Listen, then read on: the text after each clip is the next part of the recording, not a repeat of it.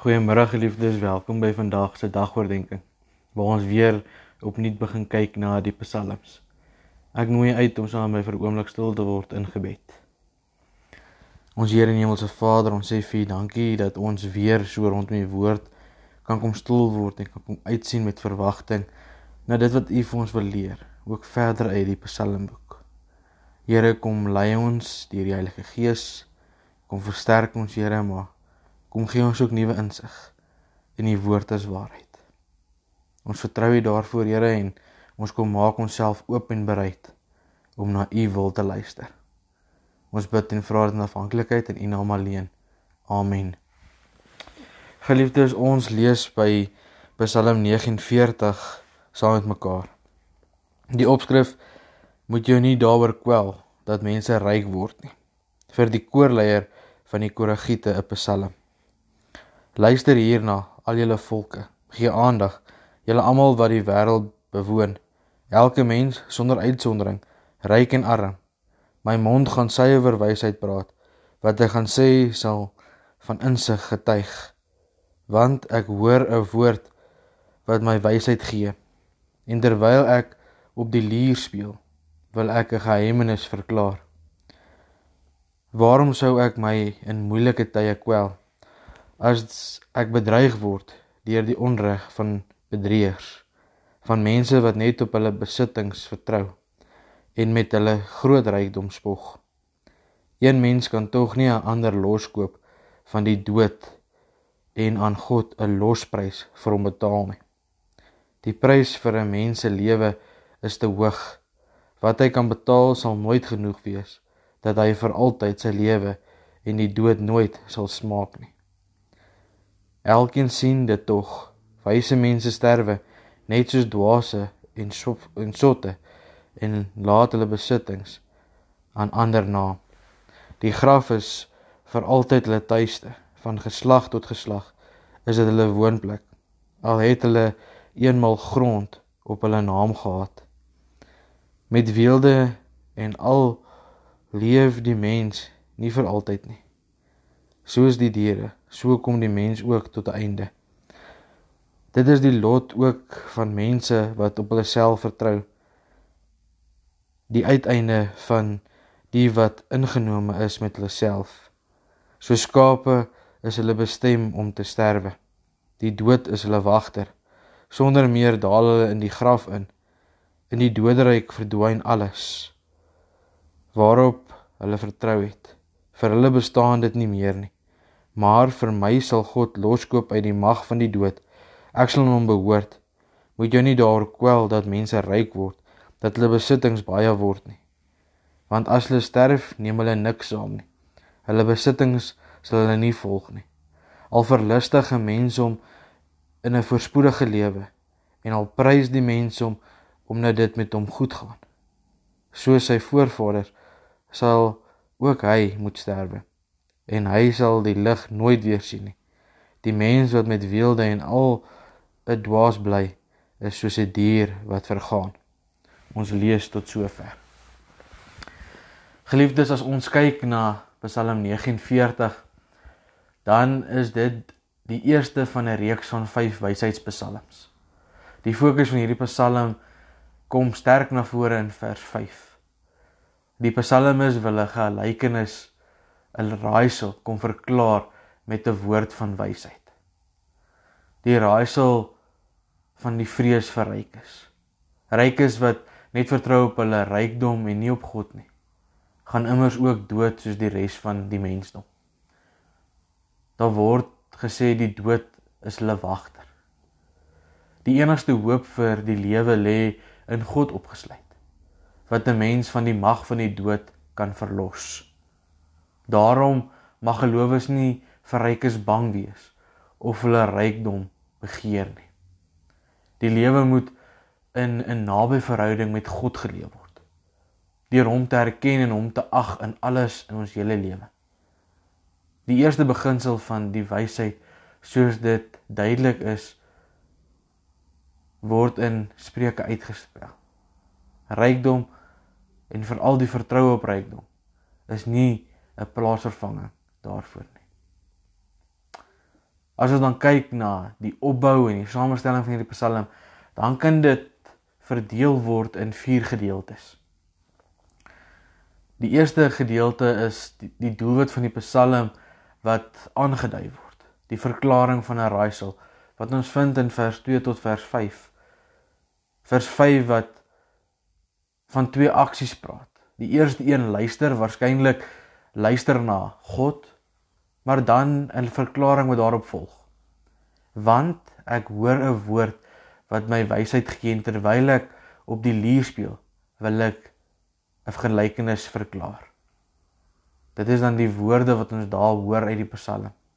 Dit gee ons 'n handige manier om oor ons eie raaisels na te dink. En hoeveel het ons nie in ons elke dag se lewe nie. Hoor by God en dan verklaar ons dit. Belangrik dat ons by God sal begin om daarvan ook sin te probeer maak. 'n Tweede deel van hierdie Psalm is die bedreiging van die ryk bedrieërs wat as absurd afgewys word omdat hulle soos almal uiteindelik ook doodgaan. Ons dink hier aan verse 6 tot 14. Die agtergrond vir die uitsprake oor die onmoontlikheid om iemand van die dood los te koop. Dit word veral in vers 8 bekend beklemtoon dat ons niks vir God kan gee om ons los te koop van die dood nie. Dit bly 'n realiteit. Dis iets waarna ons elkeen ook uitsien en weet dit kom. En dan is dit God wat die lewe gee. Dit is God wat die absolute mag daaroor het. En dat niemand anderste genoeg kan betaal om daai mag oor te neem of weg te neem nie. 'n Derde deel van die Psalm word teenoor dit gestel is dit God wat die psalmis kom help omdat hy sy vertroue op hom gestel het. Daarom word hy losgekoop in die mag van die dood. Vers 15 en 16. Vers 16 kan ook verstaan word as 'n opstanding uit die dood. Maar dit maak meer sin dat die psalmis hier praat van redding van die dood. Dit wil sê 'n voortydige dood aan die hand van die rykes. Die idee van die opstanding uit die dood kom nie wyd versprei in die Ou Testament voor nie. En dan 'n vierde en laaste gedeelte gaan daaroor dat ons ons nie moet bekommer oor ryk mense nie. Want sonder God sal hulle vergaan. En dit is dan ons laaste paar verse 17 tot 21 wat dit vir ons kom beklemtoon. Geliefdes, as ons ook dan hierdie Psalm in die lig van die Nuwe Testament lees en dit in gedagte hou, dan sien ons dat Jesus hierdie Psalm se perspektief op rykdom op 'n hele paar plekke hanteer en daarna verwys. Ons kan net dink aan die gelykenis van die ryk dwaas waar die ryk man nie ook ryk in God was nie en in sy dwaasheid rykdom bymekaar gemaak het vir die toekoms en uiteindelik niks daarvan kon geniet het nie. Dit vind ons in Lukas 12 vers 13 tot 21. Daar's ook 'n tweede verhaal wat ons vind in Matteus 19 vers 16 tot 30 wat gaan oor die ryk jongman wat die kans van sy lewe mis om 'n disipel van Jesus te word omdat hy te eng aan sy besittings vashou. En dan 'n laaste verhaal waar ons kan dink is die bekende verhaal van Lazarus en die ryk man waar die ryk man nie tyd gemaak het om na God se wil te luister nie en ook nie tyd gemaak het om deernis met Lazarus te betoon nie. En dit het dan op die einde van die dag daarop uitgekom dat daar nie vir hom redding moontlik was nie. En ons sien dit in Lukas 19 of Lukas 16 vers 19 tot 31. Geliefdes, daarom as ons kyk na Psalm 49, dan kom ons mekaar sê dit is dwaas om op rykdom te vertrou. As ons wil vertrou, moet ons nie op besittings en die rykdom van hierdie wêreld vertrou nie, maar ons moet ons vertroue in God stel. Want op die einde van die dag is net God wat ons kan red van die mag van die dood. En as ons wil staat maak op dinge wat eintlik vir ons niks beteken veral na die dood nie, dan gaan ons uitmis want ons het gekies om nie ons vertroue op God te stel nie. En mag hierdie Psalm ons vanuit die wysheid wat dit aan ons kom bekend maak vashou daaraan om te weet ons moet na God toe gaan.